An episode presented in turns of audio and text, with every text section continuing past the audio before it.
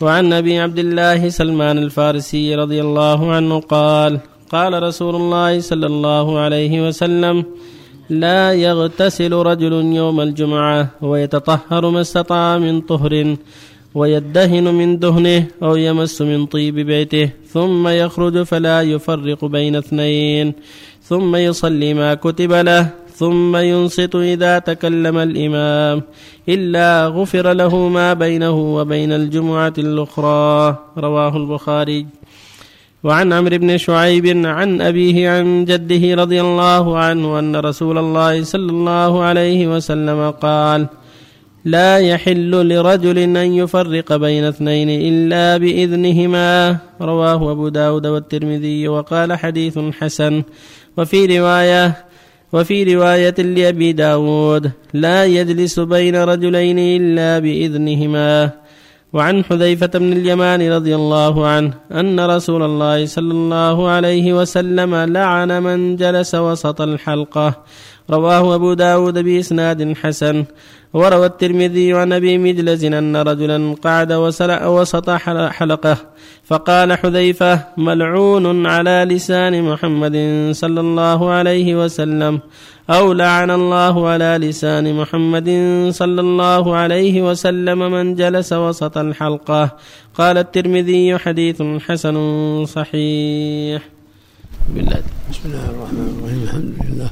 وصلى الله وسلم على رسول الله وعلى آله وأصحابه ومن اهتدى به أما بعد فهذه الأحاديث الثلاثة في بيان شيء من آداب المجلس. وتقدم قوله صلى الله عليه وسلم لا يقيم الرجل الرجل من مجلسه ثم يجلس به ولكن تفسحوا وتوسعوا.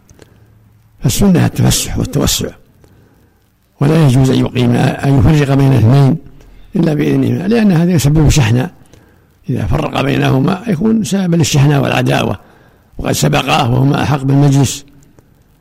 فلا يفرق بينهما إلا بإذنهما. أما إذا كان فرجة بينهما فلا بأس. أما كان قد جعل فرجة بينهما تسع الثالث فلا بأس. أما يفرق بينهما فلا إلا بإذنهما. ولا يجوز يجلس وسط الحلقة. ولكن يلتمس له فرجة في الحلقة أو يتفسح. ولا يجلس وسط الحلقة. بل يكون في أحد أطرافها ليستمع ما فيها من الخير. أما أن يجلس وسطهم فالحديث ينهى عن هذا ويشدد في هذا. والواجب على المؤمن التأدب بالآداب الشرعية في مجلسه وفي دخوله وفي خروجه وفي جميع شؤونه. أنت مخلوق لعبادة الله لست عبثا ولست بهيمة.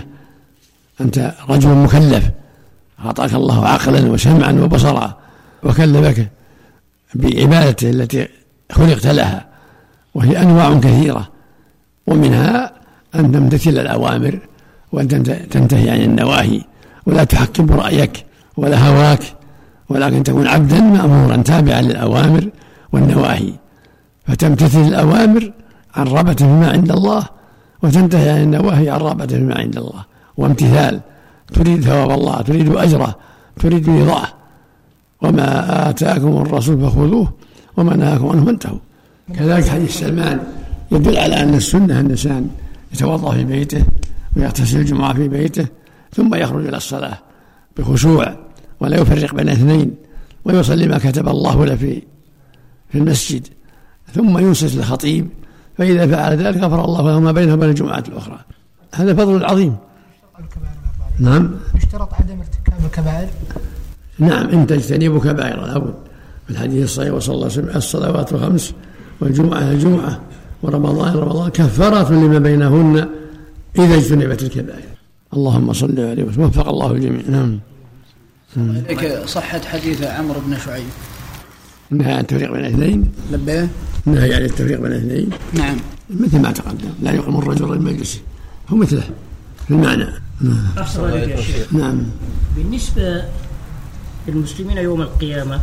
هل توزن أعمالهم أو توزن الأعمال والأشخاص كذلك؟ يوزن العمل ويوزن الشخص. كما قال تعالى فلا نقيم لهم يوم الجنة وفي الحديث الرجل السميع العظيم لا يزع عند الله جناح بعوضه. نعم. وكذلك بالنسبة للكفار والمشركون وأهل النفاق الأكبر.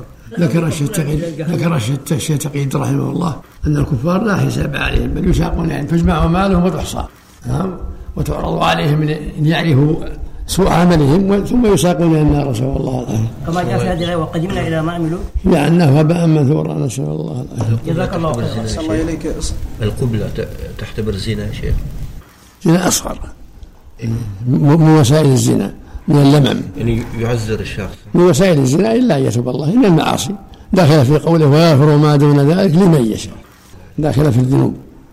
القبلة والملامسة والكلام السيء. نسأل الله النبي صلى الله عليه العافية. وسلم أحسن الله إليك. غسل الجمعة واجب على كل محتلم ما الذي يحملها عن الوجوب إلى السنية؟ وأن يستاك ويتطيب وقول صلى الله عليه وسلم من توضأ يوم الجمعة فبها ونعمة من اغتسل فالغسل أفضل. وقول صلى من توضأ يوم الجمعة ثم أتى المسجد فصلى ما قدر له ثم أنصت حتى يبرأ فطره وفي له وبينه وبين الجمعة الأخرى. رواه مسلم. بلفظ من توضأ نعم. صحة حديث حذيفة. لعن من جلس وسط الحلقة.